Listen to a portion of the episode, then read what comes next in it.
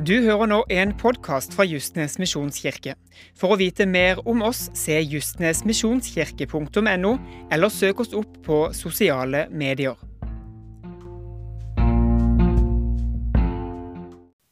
Opplever du at du er på ditt beste når du er mest mulig travel? Er det sånn at når du er, det har vært en lang dag, det er gått fra det ene til det andre, du kommer hjem og skal være med barna dine, så bare kjenner du at du er enormt eh, lang lunte fordi at livet har vært så travelt? Kjenner du på det? Nei, du gjør jo ikke det. Oftest når vi blir eh, eh, sinte på våre barn eller på vår kone eller på våre venner, det er jo fordi at det er for mye som skjer i livet. Og så blir lunta litt kortere, og så sier vi og gjør ting som vi absolutt ikke burde ha gjort. Og så stiller jeg spørsmålet er det en regel at vi må leve sånn som vi lever i dag? Jeg skal ikke, jeg skal ikke svare på det akkurat nå. I Matteus 11, vers 28-30, så står det Kom til meg, og det er Jesus som sier dette. Kom til meg, alle dere som strever og bærer tunge byrder, og jeg vil gi dere hvile. Kjennes ikke det greit ut? Merker du det at når du møter en livsnyter det er, færre og færre livsnytere. De holder på å dø ut, rett og slett. Det er ikke så mange igjen av dem. Men når du møter en livsnyter, så tenker jeg bare at jeg blir sjalu. Jeg blir misunnelig tenker at jeg skulle ønske jeg var sånn som deg. Så bare kunne tatt alt så avslappende på så strak arm og ikke stressa i det hele tatt. For de har jo funnet en nøkkel, tenker iallfall jeg. Men les videre, så sier Jesus det at Ta mitt åk på dere og lær av meg, for jeg er mild og ydmyk av hjerte. Så skal dere finne hvile for deres sjel. For mitt åk er godt, og min byrde er lett. Altfor ofte så syns jeg livet ikke er så lett som jeg skulle ønske. Altfor ofte så syns jeg byrden er større enn jeg skulle ønske at han var. Og Så kommer jeg tilbake til de versene her, og så leser jeg det, så tenker jeg, men Gud, du har jo sagt i Bibelen, i ditt ord, at byrden skal være lett, og at du skal ta åket på deg. Og Et åk det var noe som du festa framfor, framfor to hester i nyere tid, eller to eh, okser, f.eks. Så skulle de dra sammen et, eh, noe bak seg, en plog eller ei kjerre eller et eller annet. De skulle dra sammen. Og Da var det viktig at de holdt det samme tempoet. At den ene ikke skulle ha et høyere tempo enn den andre, men at de drog sammen. Så kan det jo være at det ene av dyret var sterkere enn det andre og drog litt mer. Og jeg tenker det er litt sånn for oss at Jesus han er mye sterkere enn det vi er. Så han skal jo være den der oksen som drar det lille ekstra. Men altfor ofte så ender vi opp med, fall jeg, med å gå ett steg foran Gud. Og så skal han komme etter meg. Men så har jo han sagt at ta, at åket på meg, så skal jeg bære deg. Mange av dere hørte om ei dame som heter Corrie ten Boom. Hun redda veldig mange jøder fra holocaust under andre verdenskrig. Og hun har sagt dette at hvis ikke djevelen kan få deg til å synde, vil han gjøre deg travel. Si det igjen. Hvis ikke djevelen kan få deg til å synde, så vil han gjøre deg travel. Og det tror jeg du og jeg kan kjenne oss igjen i. At det er kanskje ikke det som er hovedproblemet i livet vårt. At vi synder for mye eller gjør for mange feil. Men kanskje hovedproblemet er at vi er så travelt at vi ikke har tid, anledning, mulighet til å koble oss på Jesus. Vi klarer det ikke fordi at livet går så fort hele veien. Så vi finner ikke tid til å være sammen med han. Den ene teksten, Jeg kommer til å komme tilbake til den under talen, men det er en tekst til for å illustrere det jeg ønsker å si i dag. Hør på dette fra Johannes kapittel 14, vers 1-7. Her står det La ikke hjertet bli grepet av angst. Det kan jeg kjenne på i livet mitt at det gjør. Tro på Gud og tro på meg, sier Jesus.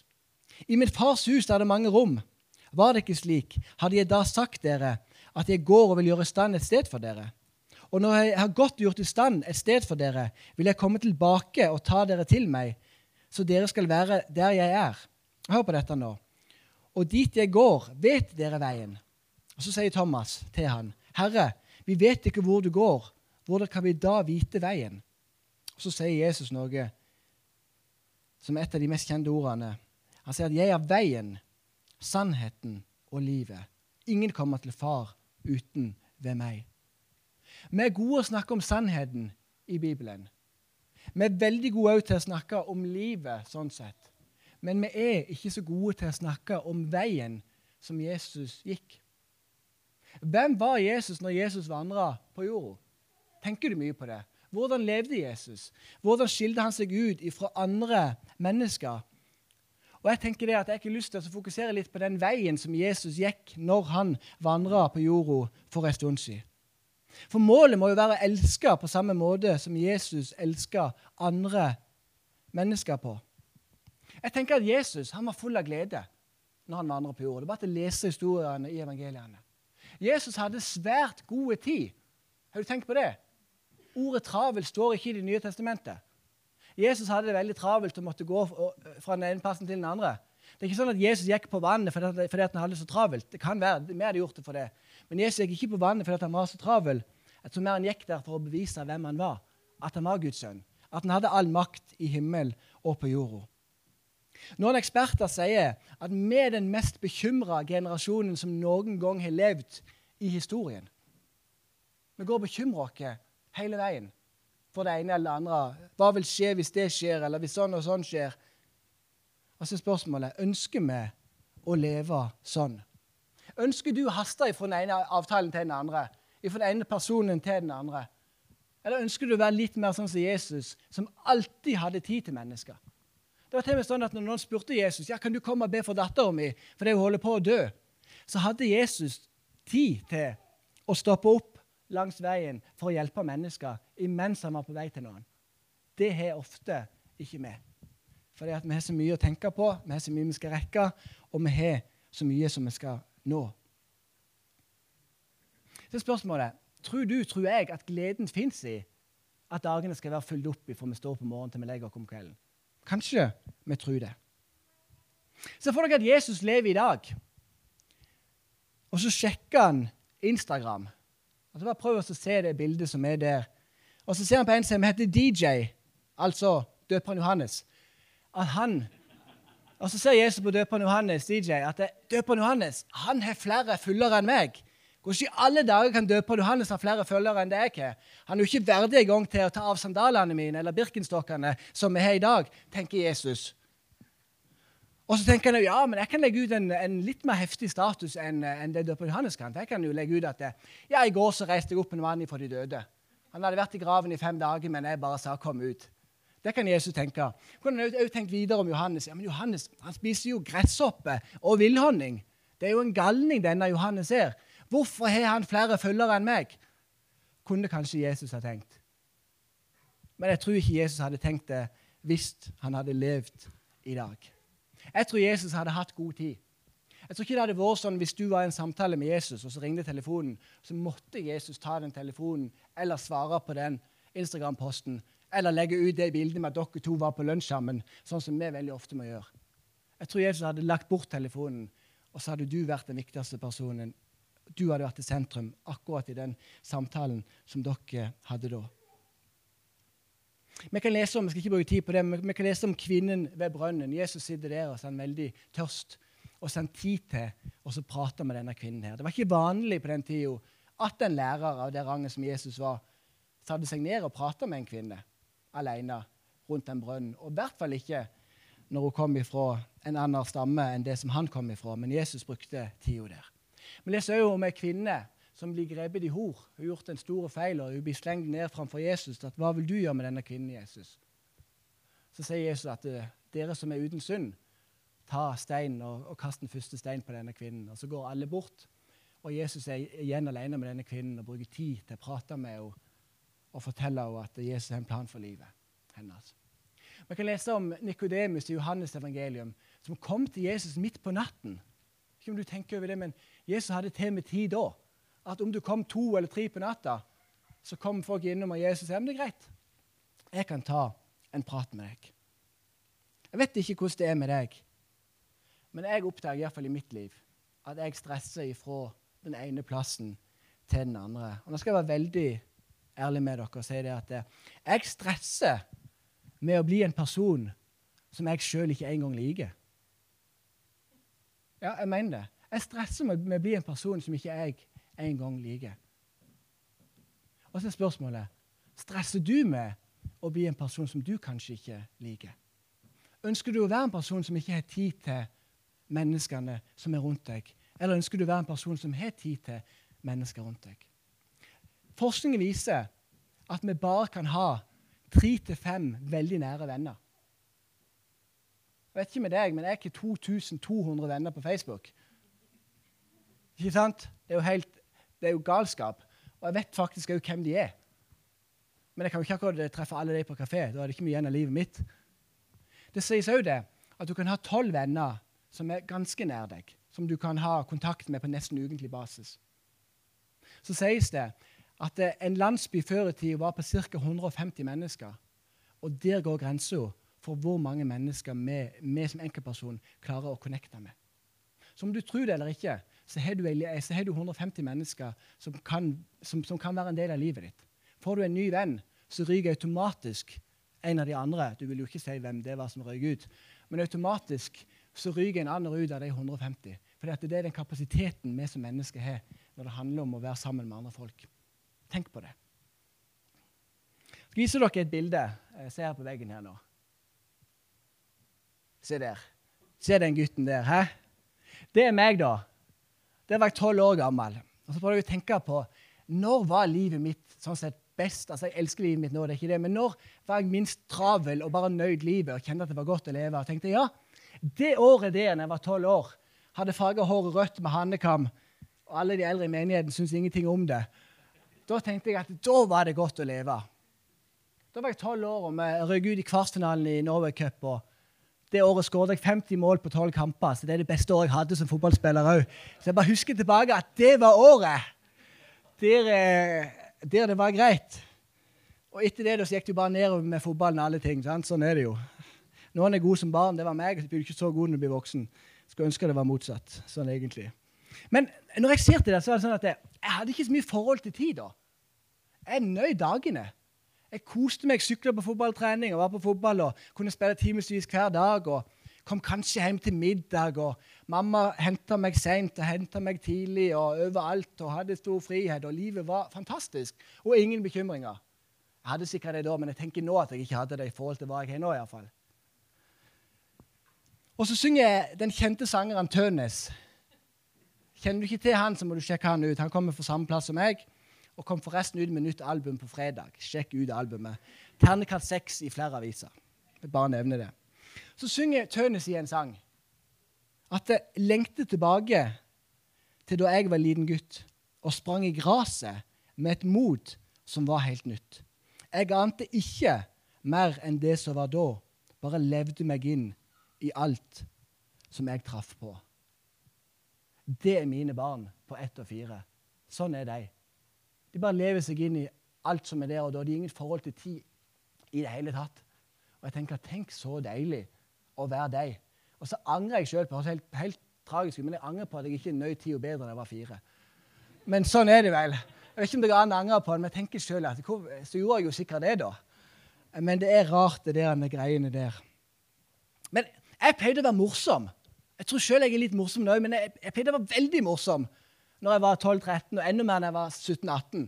Jeg husker jeg sa til kameratene mine på idrettslinja når jeg gikk der, at, at, jeg skal bli prest, eh, bli pastor når jeg blir stor. Og, eller ja, jeg var jo stor da, men eh, jeg blir litt eldre. Og de var sånn, nei, det går ikke an. Du er altfor useriøs til å bli prest og pastor, sa de til meg. Og jeg tenkte ja, men det er en fin ting. Og så har jeg jo fått lov til å vie flere av dem da, de siste årene når de har gifta seg. En utrolig fin mulighet. Og Da får de se at ja, jeg er useriøs, men jeg har jo en seriøs side. Det er jo den kombinasjonen. Men jeg likte den fyren som jeg var. Jeg gjorde det, altså liker jeg fortsatt meg sjøl. Jeg har ingen problemer med meg sjøl, så bare slapp av. Trenger ikke gå til psykolog for det, jeg personlig. Men jeg merker at jeg stresser med å bli en person som jeg ikke liker. Og det må jeg gjøre noe med. Og så er spørsmålet gjør du det samme. Kan du kjenne på noen av de samme tingene i livet ditt? Jeg vet ikke hvor mange av dere som har sett TV-serien Friends. Er det noen her inne? En del som har gjort det? Ja, det er bra, det. Og det som jeg fascineres av den TV-serien der, det er, det er, jo det at det, det, eneste de gjør, er å slappe av. Har du, har, du, tenkt på det? De sitter i den sofaen og på det kaffehuset og slapper av. og til og med På en episode så er det sånn, han eneste jeg, jeg tror det Joey sier det, men vi henger jo alle sammen lenger. Så svarer Rachel du, det er det eneste vi gjør. Det er å henge sammen. Og så kjenner jeg noen ganger at jeg, jeg savner litt det greiene der. Jeg bodde på bygda ute på Haua, og folk kommer på besøk i tid og utide. Altså, det, det er sånn det er på bygda. Mens nå i dag så er det sånn Ja, jeg skal, skal treffe Thomas. Ja, Thomas, kan du 28. oktober klokka 19. Ja, jeg skal sjekke kalenderen, sier Thomas. Nei, jeg var opptatt da, men jeg kan den, jeg kan den 14. november. Da kan vi møte. Jeg ser det på spissen, altså. Ikke så gale. Men ting endrer seg, så. Og jeg savner jo litt det der når folk kan komme og banke på døra. Ja, men kom inn. Du har just vaska huset, alt er rent, men du sier jo ikke det. Kom inn, så finner vi noe kjeks som ungen kan springe rundt med, og ta ut alle legene, og så må du gjøre alt på nytt igjen. Dere vet hvordan det er. Men jeg savner litt den der uh, greia som er der, for at den er forsvunnet i det der planlagte livet som vi lever. Og jeg tenker for mitt liv at jeg tror litt for, for min egen del at måten som jeg tjener Gud på til tider, den er med å ødelegge Gud i meg. Jeg tror Gud ønsker at jeg skal være hans barn. At jeg skal være som lille Silas. Bare være på hans fang. Bare være til. Ikke stresse meg gjennom alt.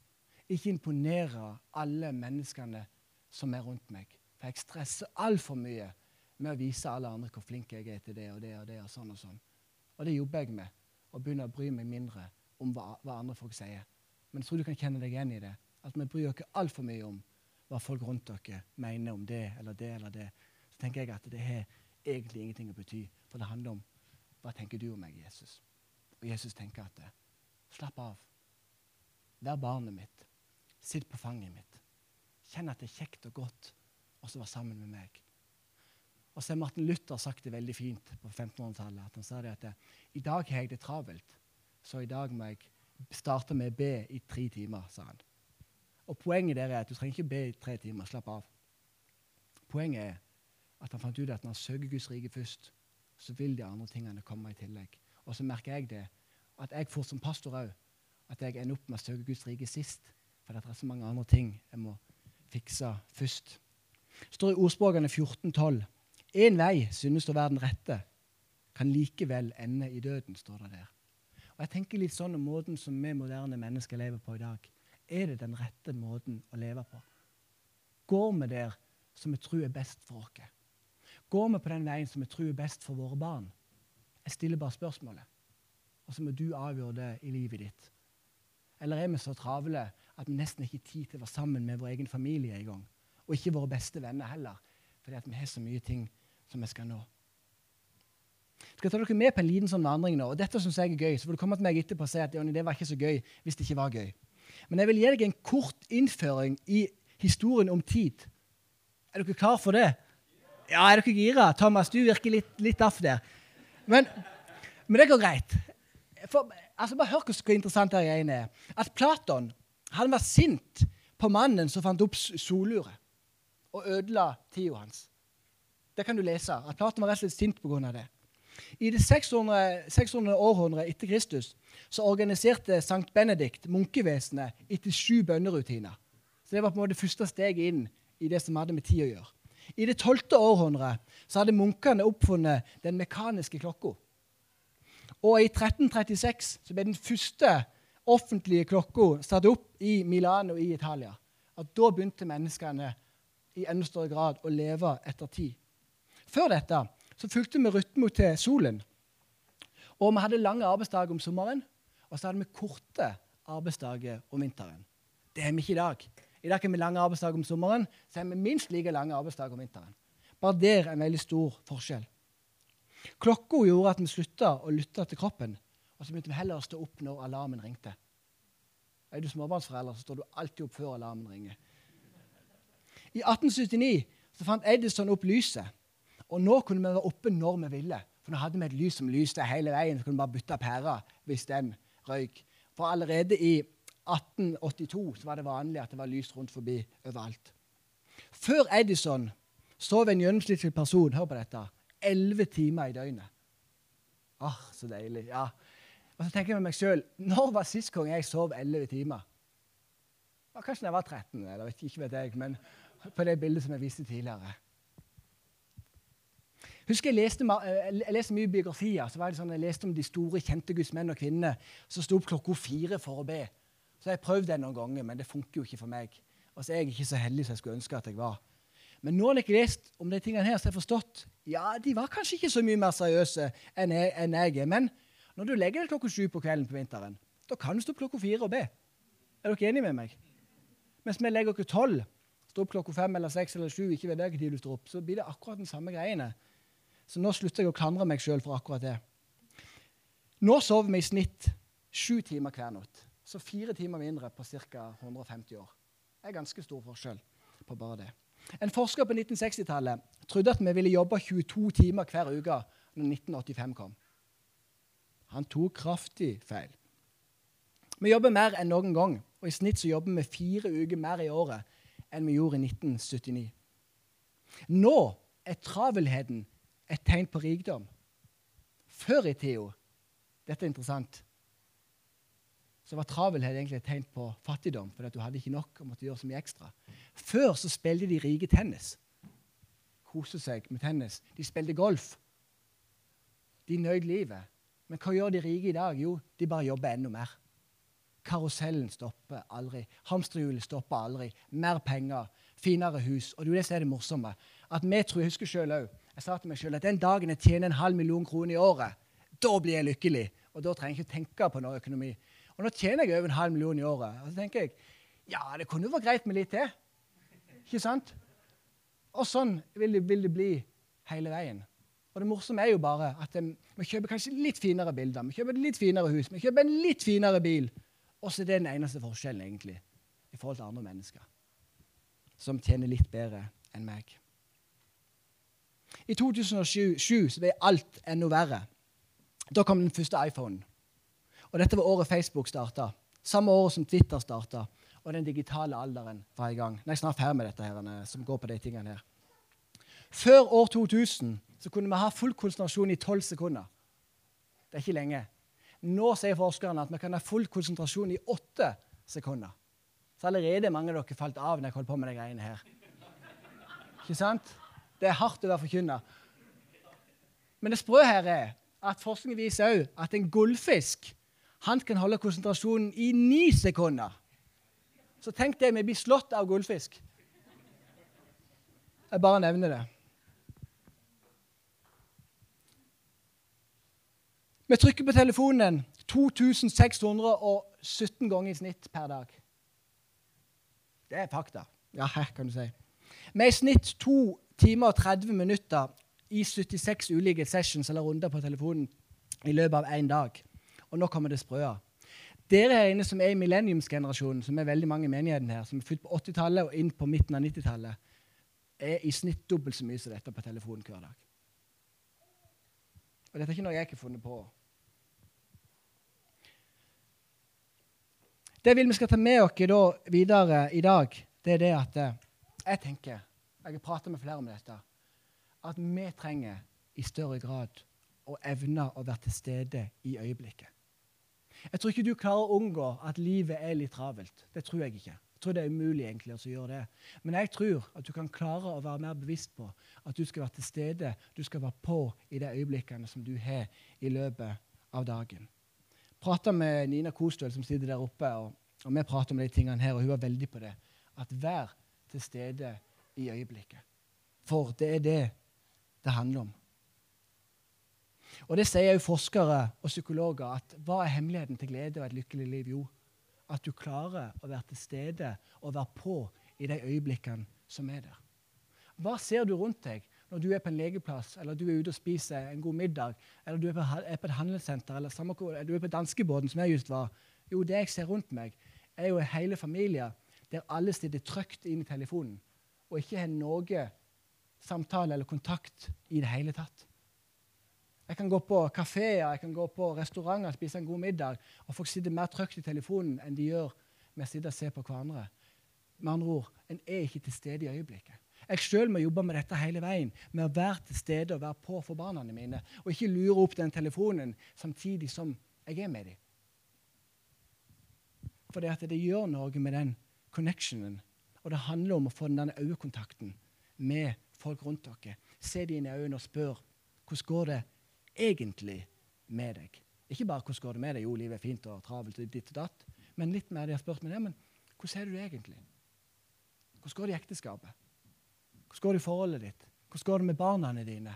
Hva er bra i livet? Hva er utfordrende? Altså, det er litt mer dype, gode samtalene som vi kan få når vi er til stede i øyeblikkene. Nå er jeg snart ferdig. En veldig kjent amerikansk teolog som er, dessverre er død nå, heter Dallas, Dallas Willard. Han fikk spørsmålet hva må jeg gjøre for å bli den beste versjonen av meg sjøl. Så svarte han denne setningen her. Du må gjøre det du kan for å fjerne travelheten i livet ditt. Så spurte den andre, eller hans uh, menn, eller den gutten da, ja, men ja, er det noe mer. Nei, det er ingenting mer. Gjør det du kan for å leve en mindre travelt liv. Så kommer alt det andre til, og så kommer i tillegg. Problemet er ikke å ha mye å gjøre, folkens. Men problemet er når vi har for mye å gjøre, og når vi ikke klarer å være til stede i øyeblikkene for våre barn. Og Nå kan du se i livet ditt at hvor er det jeg trenger å være mer til stede i øyeblikket? Hvilke valg må jeg ta i livet? Jeg skal ikke komme med noen, komme med noen forslag. Bare stille spørsmål her. Hvilke valg må jeg ta i livet for å være til stede, mer til stede for mennesker rundt dere?